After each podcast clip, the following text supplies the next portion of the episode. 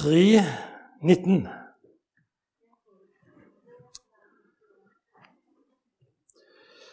Eh, jeg, hvor mange, eller hvor meget? Her tar de på en måte to ord inn i ett. På nå står det kanskje 'alle de som'. Men her poengterer han at det er hvor mange, altså et antall, og så poengterer han altså hvor meget.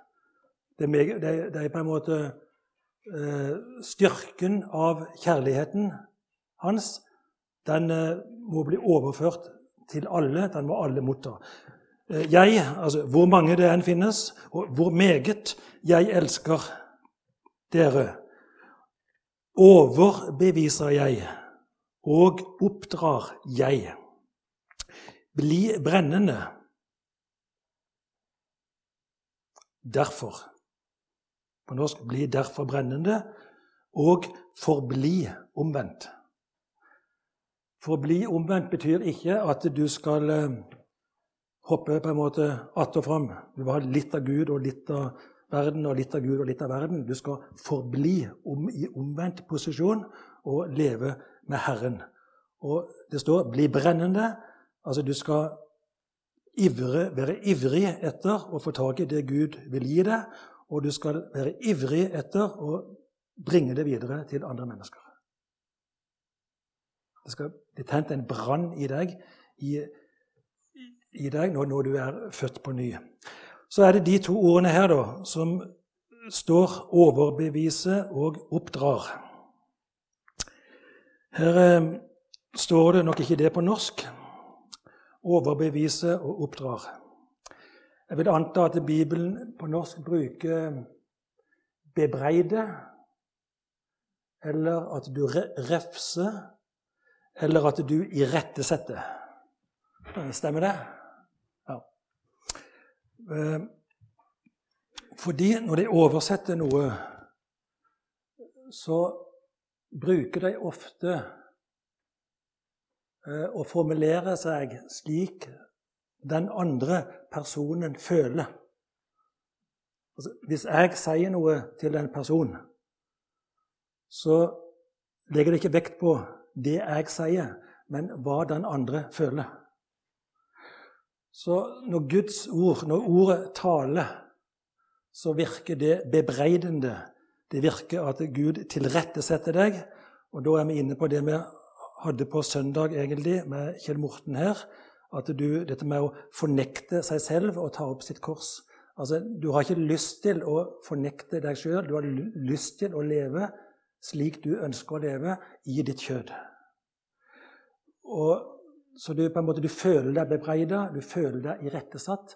Men det er ikke det som ligger i ordet. Det ligger over beviset. Egentlig at du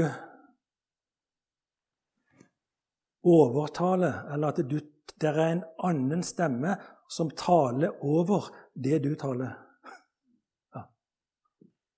Altså Guds stemme når ordet blir forkynt, skal tale over det du taler.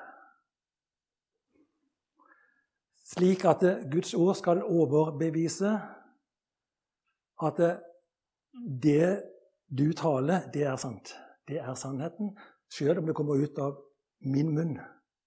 Så når jeg taler her nå, så skal Gud ved hjelp av Den hellige ånd tale over det jeg taler, slik at eh, du blir overbevist av Den hellige ånd, som ruger på det ordet, slik at eh, du kommer til tro, eller blir styrka i troa og blir mer og mer bevart i troa. Og her er det da overbeviset. Så her er Den hellige ånd inn i bildet, selv om Den hellige ånd ikke er nevnt i det verset. For det er oppgaven til Den hellige ånd. Den hellige ånd er sendt for prikk, prikk, prikk, prikk, prikk, veldig, veldig masse, men han skal overbevise om synd. Og det er det som har her. Her er det en overbevisning som Gud står bak. Og det er fordi han elsker personene som han har kjøpt fri, løskjøpt med sitt blod. Og da vil han overbevise deg, slik at de, får, at, at de kommer til han, de han har kjøpt fri.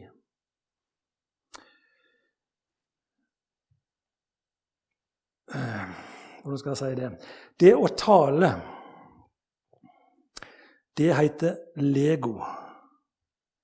Dere lego. Når en unge, et barn, bygger med legoklosser, så taler det barnet den tanken han har oppi huet sitt. Når han bygger et hus, en unge bygger et hus, så er det det han tenker på. Så bygger han et hus. Fokuserer han på et dør eller et vindu, så bygger han bare den ene veggen, og så kutter han ut alt med huset. Han bygger bare dør og vindu fordi han fokuserer på dør og vindu. Lego betyr å tale.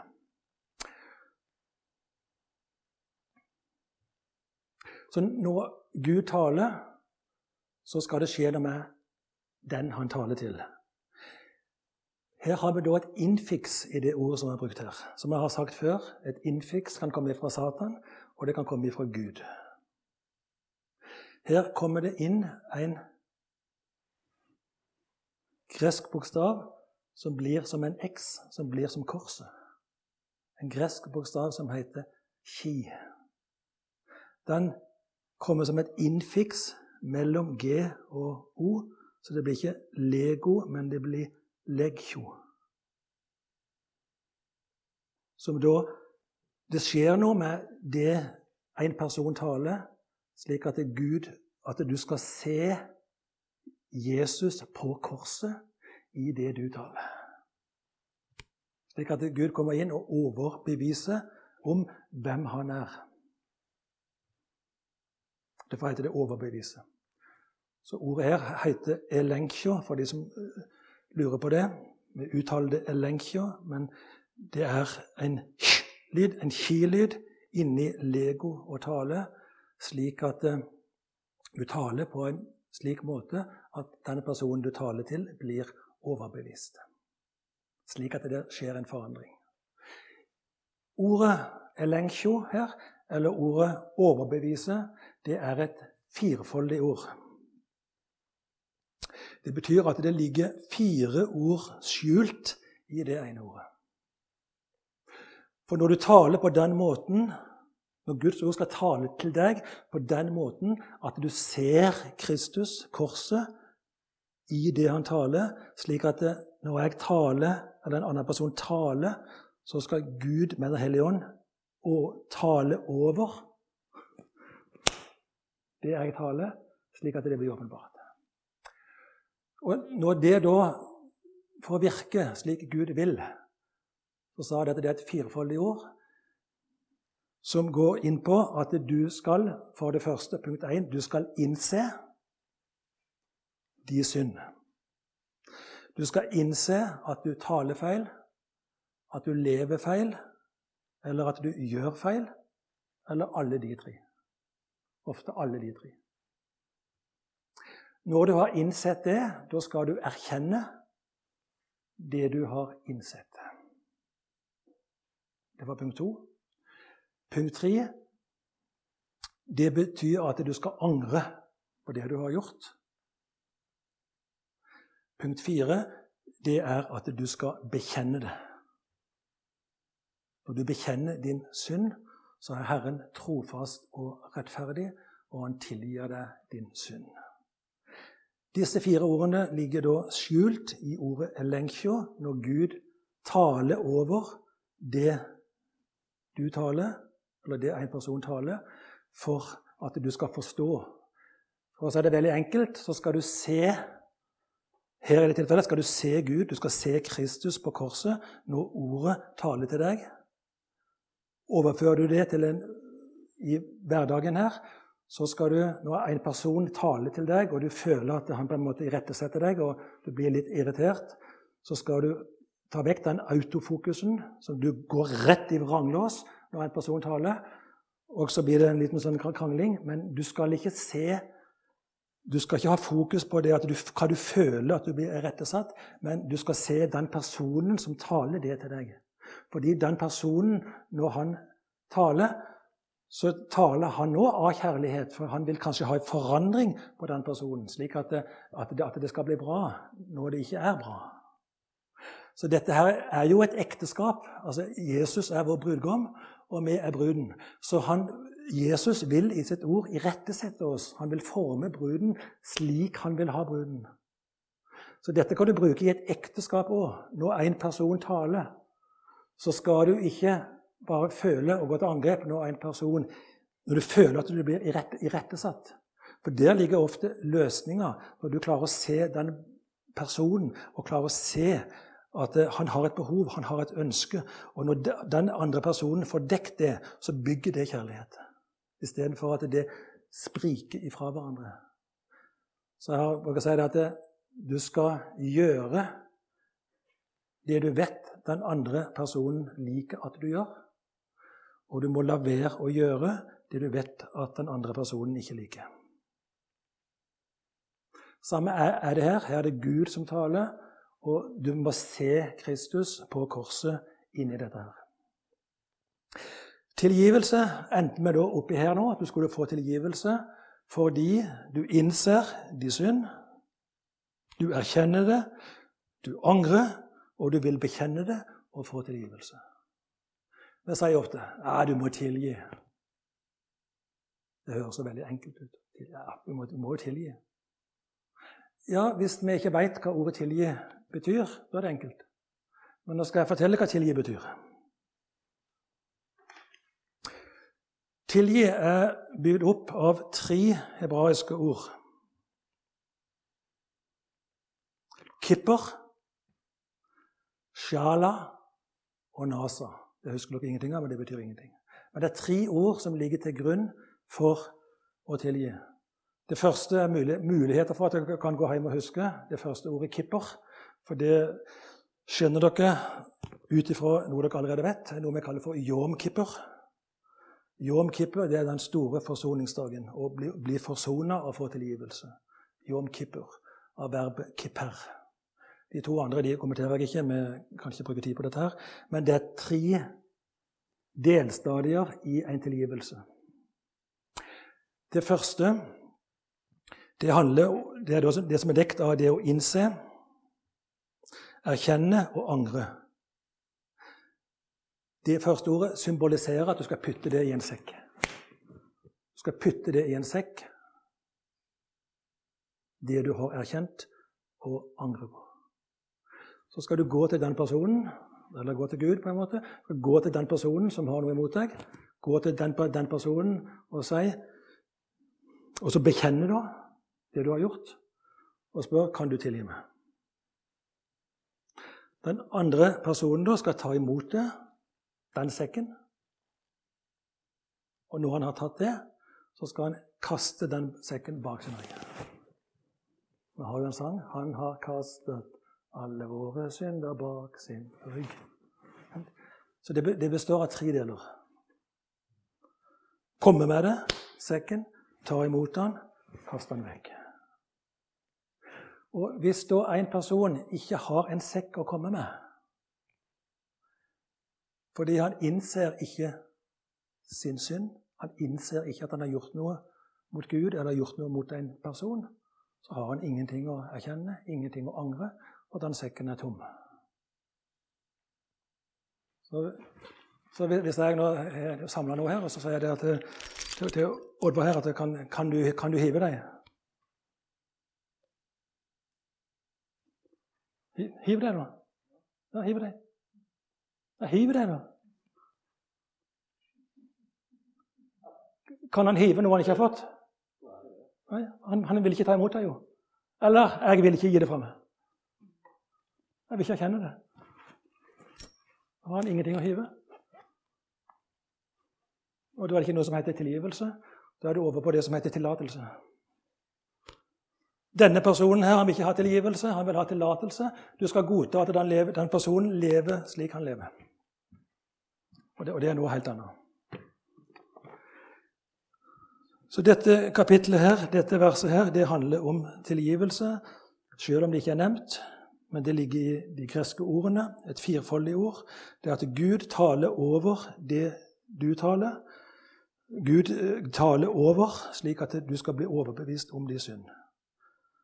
Og Det er det samme også i et ekte, ekte, ekteskap. Du skal se den personen. Enten Dama skal se mannen sin, mannen skal se hustruen sin.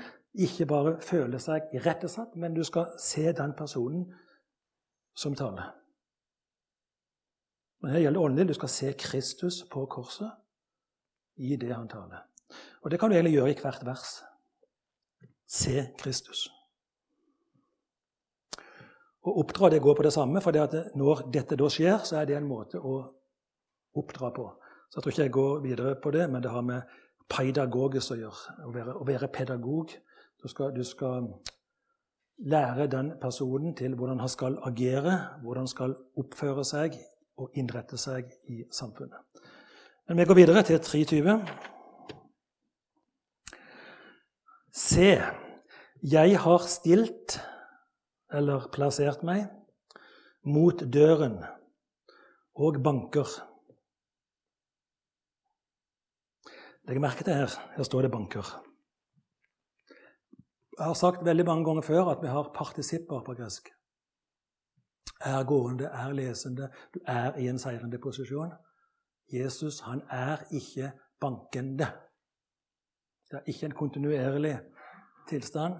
Jesus han kommer av og til og banker på når han aner en mulighet til å komme inn i hjertet ditt. Han står ikke kontinuerlig der og banker, banker, banker. Han er ikke bankende. Men han er foran døra, for han er alle steds nærværende. Så han er i nærheten og utnytter hver posisjon. Når du opplever en krise eller når du opplever noe vondt, så er Herren der med en gang, og så banker han. 'Jeg vil hjelpe deg', sier han. 'Jeg vil inn i hjertet ditt'.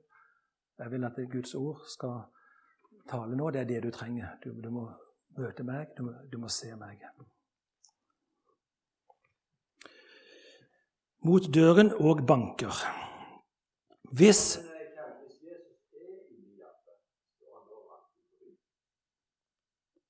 Han er ikke inne i hjertet hvis du ikke har puttet han inn i hjertet. Men her snakker han til Laudikea, og de har han ikke i hjertet. Så han er ikke inne i hjertet der. Han kan ikke være inni og banke, og banke på. Er, da er han utenfor og banke på. Så her er han utenfor. De har ikke, de har ikke tatt imot han. Hvis noen Så står det det vi talte om forrige gang, at det skriver det i preteritum hørte istedenfor hører. På norsk står det 'hører', men på grunnspråket står det 'hørte'. Jeg sa forrige gang at det er noe vi kaller for subjunktiv aorist, uten at jeg kan bruke tid på å forklare det. Men det er noe som på en måte allerede har skjedd i fortid, som vil komme til å inntreffe i framtid hvis det skjer, det Gud har tenkt. Men jeg kommenterer ikke det mer. Jeg bare sier 'høre', da, for å gjøre det enkelt. Hvis noen hører røsten min og åpnet, men jeg sier åpner, og åpner døren, da vil jeg komme til å gå inn til ham, og jeg vil komme til å spise med ham og han med meg. Ja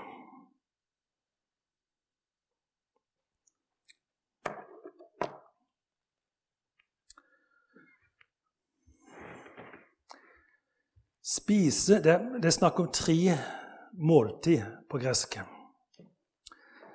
Det første er noe vi kaller for akratisma. Akratisma. Det svarer til frokost. Eh, veldig enkelt måltid, en enkel frokost, men du skal spise slik at du blir mett. Det er egentlig kun brød dyppa i vin. For at ikke det brødet skal bli tørt, så må du ha begge deler. Et enkelt måltid. Det skal du på en måte leve på en halv dag. Det er akkratisme. Eh, åndelig sett altså, Her er det to måter. Vi må gå inn i det verset her. Det skal spise fysisk. Det vi kaller for gastrikal mat. Altså, du må få mat til din gastrika, til din magesekk, fordi, fordi, du trenger det. Og åndelig sett så trenger du kardinal mat. Altså mat til ditt kardia, ditt hjerte. Og å komme over på det åndelige her nå, så er det Guds ord du skal spise, du skal ta til deg hver morgen før du går på jobb. Men det skal være et kort måltid. Dette måltidet det er ikke langvarig. Det er et akkratisma. Det er, det, I det ordet kratisma ligger rota krateo, som jeg har sagt før, at det, du holder fast på krateo. Så det du har spist åndelig til frokost, det skal du holde fast på. Ikke tereo å ha det i hjertet, i et apotek, vi har om, men du skal ha det klart i hånda. Krateo, for du skal gi det videre når du er på jobb.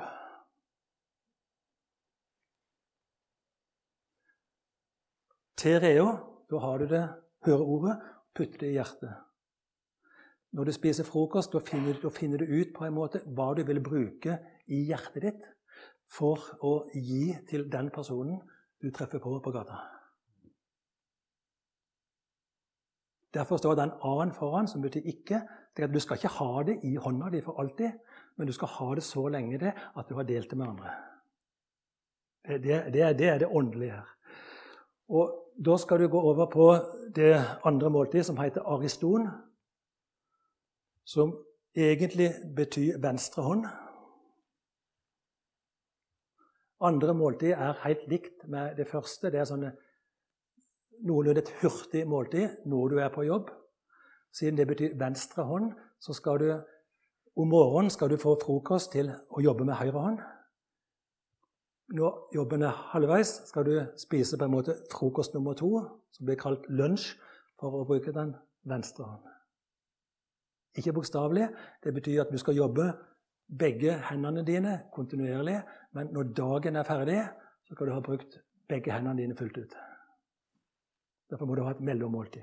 Og i det mellommåltidet Det da går ut på, åndelig sett, at du skal dele til de andre det du har fått av Herren når du spiste åndelig frokost før du gikk på jobb.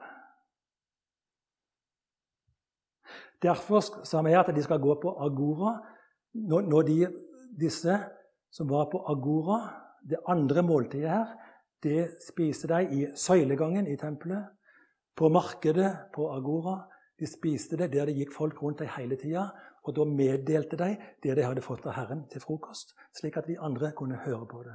Det er derfor du skal agorisere deg for å gå på markedet for å høre ordet forkynt. Fordi det blir da talt med de som spiser sammen mellommåltidet på jobb. Det er vel ikke så mye av det i dag, tror jeg, at de deler Guds ord på jobb. Jeg ser ikke for meg det. Kanskje hvis det er et, Du har et yrke der du um, bare er kristne, kristne privatskoler, at de i, uh, midt på dagen der, når det er sånn store fri, at de samles i, uh, og deler et Guds ord. Det kan være. Jeg vet ikke.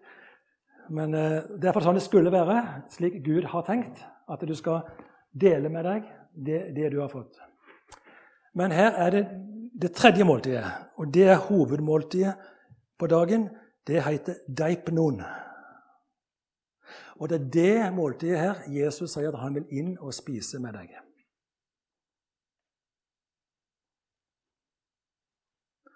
Han vil at du og Jesus skal bli deipnoisert. Deipnoen måltidet, det skal ha fellesskap med Herren. Dette er et langvarig måltid.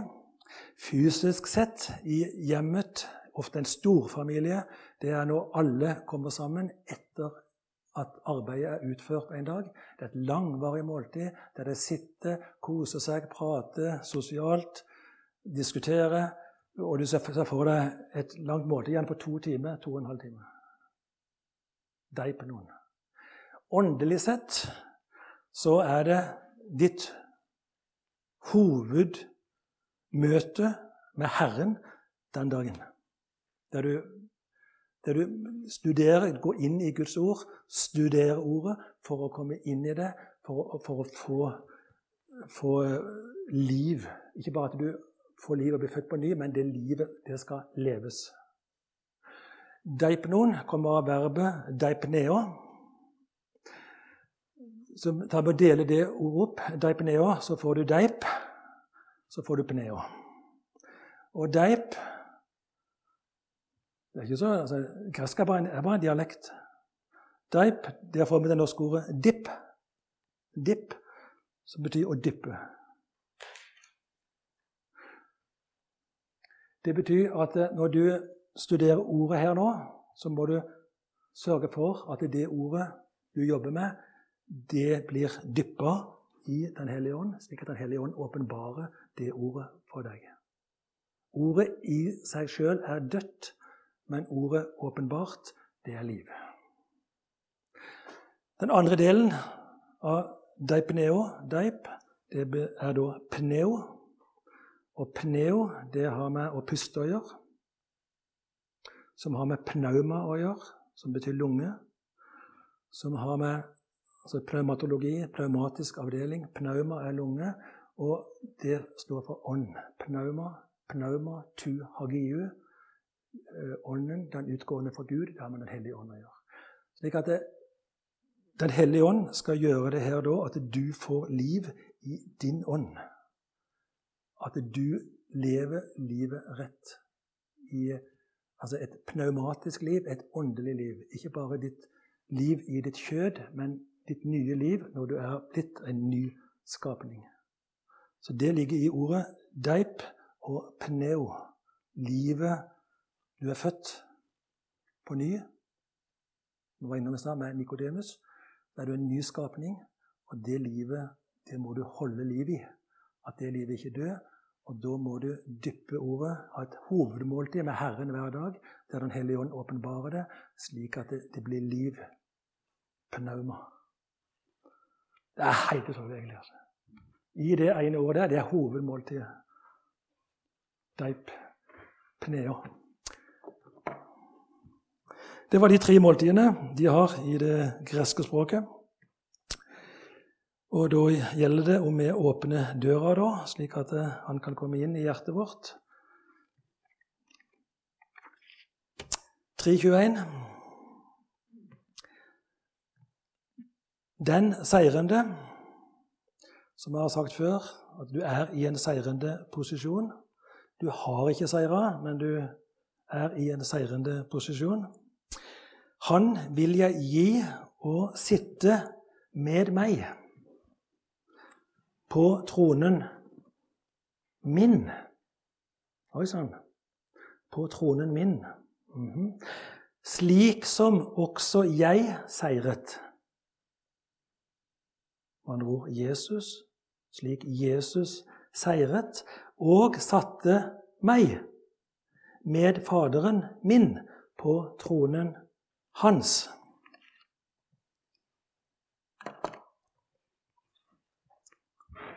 Og da er det to troner, da.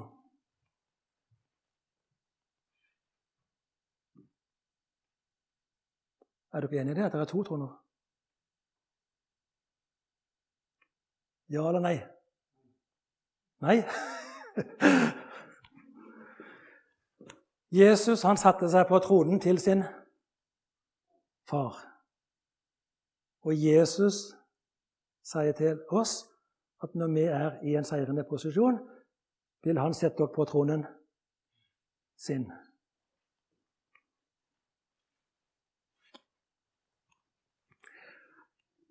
Som jeg har sagt før, så var Jesus kroppen til Faderen. Litt vanskelig det der med kropp og hode. Noen sier det at eh, hodet, det er Faderen. Halsen er Den hellige ånd, og kroppen, det er Jesus. Ikke si at jeg har sagt det, men noen forklarer det på den måten. der. At det er en tredeling mellom Fader og Sønn og og Helligånd, men de er ett. Så Ånden da binder sammen, den overfører fra Faderen til Sønnen, fra hodet til kroppen. Det kan bli vanskelig. Jeg skal prøve å gjøre det enkelt. Men når Jesus var på jorda, som jeg sa, så var han kropp. Og når han hadde utført det han skulle gjøre, så sa han på korset at det er fullbrakt. Og etter Noen dager etterpå så kom Kristi himmelfartsdag. Da gikk han opp igjen til Faderen og satte seg på hans trone. Da sa han til disiplene sine på forhånd at nå er jeg hodet, og dere er kroppen. Det betyr at etter seieren så har han sin egen trone. Og den får vi del i når vi er i en seirende posisjon. For når du er i en seirende posisjon, da er du allerede i Kristus. Og igjen går jeg tilbake igjen til dette med vintreet. Der han sier at 'jeg er vintreet, og dere er grenene' i Johannes kapittel 15. Og Leser du videre der, så står det på norsk 'Vær gren på meg'. Det står det ikke på gresk. På gresk står det 'vær gren i meg'. Og det er enorm forskjell, uten at dere tenker over det. Fordi at eh, hvis du oversetter det slik det har blitt gjort, med en feil 'vær gren på meg', så sier Jesus det at 'jeg er stammen'. Var det det han sa? Nei, han sa det at 'jeg er vintreet', og dere er grenene. Så han er hele treet. Det betyr han er, han er røttene, som jeg ofte kaller for ettertavlen, helt fra Adam og Eva, via Noah, Abraham, David. Så med Isai rotskudd så skyter treet opp. Som en stamme så kommer det greiner på, og så er han, han er treet, står det. Han er hele treet. Og vi er greinene. Og når han er hele treet, da er han røttene, stammen og greinene. Og når vi er treet, da er vi en delmengde av han.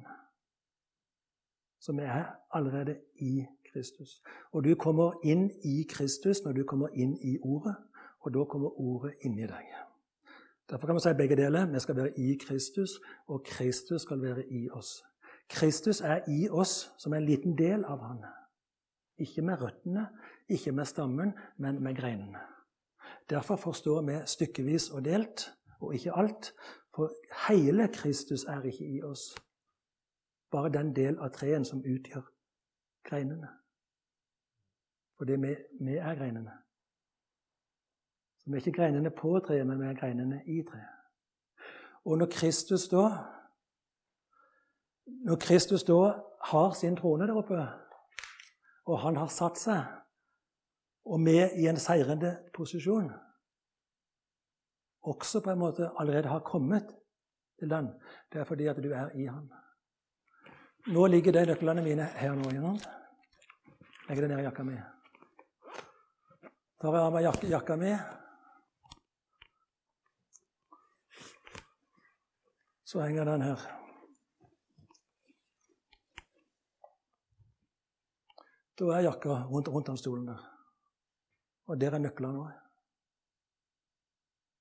Hvorfor det? Jo, fordi nøklene er i jakka. Flytter, flytter jeg bak her, så flytter jeg nøklene òg. Men jeg, jeg flytter ikke nøklene. Så når Kristus er på tronen, og du er i Kristus, så er du på tronen. Ikke fysisk, men åndelig sett.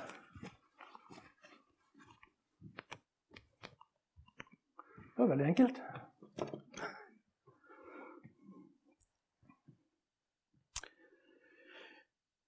Trone symboliserer i utgangspunktet autoritet og myndighet. Det betyr at vi er gitt en autoritet, myndighet, når vi er i Kristus. 3.22 Det er det ikke så mye å si om, for det, vi, det står til alle menighetene. Den som er havende ett øre, han hører hva Ånden sier til menighetene. Det er bare å legge merke til det at eh, det Den hellige ånd taler, det taler han til alle menigheter. Han har skilt ut syv menigheter i én og én og én og én. Og han har valgt de riktige ordene hele tida og beskrevet situasjonen i denne byen slik det er, slik han gjør nå med Laudikea. Hvordan det er med rikdommen, hvordan det er med klærne, hvordan det er med at de produserer øyes, øyesalver, hvordan det er med vannet, at det er lunkent. Alt stemmer med stedet, og det stemmer med forholdene i menigheten. Alle personer i denne utviklinga de utvikler seg slik at det følger den hesteskoen her. Det blir et bilde på hvordan det utvikler seg før Jesus kommer igjen. At Laudikea er bildet på den siste menighet, den sovende menighet. Ehm, de som tror de har alt, tror alt er i orden, men de mangler det vi kaller for olje på lampa. De har ikke liv. Og Jesus han gir ikke opp. Han står, han står her foran døra, og han banker på av og til der han ser, håper at det er en mulighet for å kunne komme inn. For han vil gi dem det de trenger. De er fattige, men han vil gjøre dem rike. De er nakne, men han vil gi klær til dem. De er blinde, de har ikke sett Kristus, men han vil få dem til å agorisere seg, til å møte personer på gata som forkynner evangeliet, for at de kan ta imot ham og bli en ny skapning. Så prøv å tenke gjennom når du leser dette, at det peker på feil i alle menigheter, unntatt den vi hadde forrige gang, Philadelphia. De, der var det veldig bra. Det var sånn det skulle være, og det er nok utopia. Det er nok uoppnåelig å komme inn i en, den form for menighet at alt er så bra. Men det, det, er mye jeg kunne ha sagt nå og, og, og tatt opp, men eh, eh, Sagt noe om det før, dette med å få tak i Guds ord. Det som er litt farlig i dag, det er det at du, du er på en måte kulturelt påkobla. Hver ny generasjon som vokser opp, som har da vart i en periode, hver ny generasjon de blir kulturelt eller tradisjonsmessig påkobla Guds ord. Du overtar noe som en sannhet uten at du undersøker det om det stemmer med ordet. Det vi kaller for en teologisk påkobling. Og da finner du veldig mye feil. At det er oversatt feil mange steder. Gjennomgikk noe forrige gang, dette med sjel og ånd. Og, eh, som jeg kan bevise ut ifra Bibelen, at mye av den forkynnelsen har vært feil uten at jeg tar det opp igjen nå. Vi kan godt snakke om det en annen gang. Jeg kan, jeg kan finne bibelvers på bibelvers der, eh, der, det er noe annet enn en det som blir forkynt. Men samtidig kan du si at det blir forkynt riktig fordi at de, de tenker på at det er noe inni deg som skal bli frelst. Så det er på en måte tanken, men er eh, riktig. Men de har feil navn på det. Fordi at, at eh, ja, Nå tror jeg ikke jeg var ute, og da tror jeg det kan ta lang, lang tid. Jeg tror jeg, jeg tror jeg, skal levere det. Men eh, jeg kunne ha tenkt meg å ha sagt. Men eh, i utgangspunktet så er de syv menighetene ferdig fra min side. Og da håper jeg at dere har fått noe ut av dette her. Gått sånn litt grann, i fall, inn i dybden og plukka litt. Det får, det får holde for denne gang.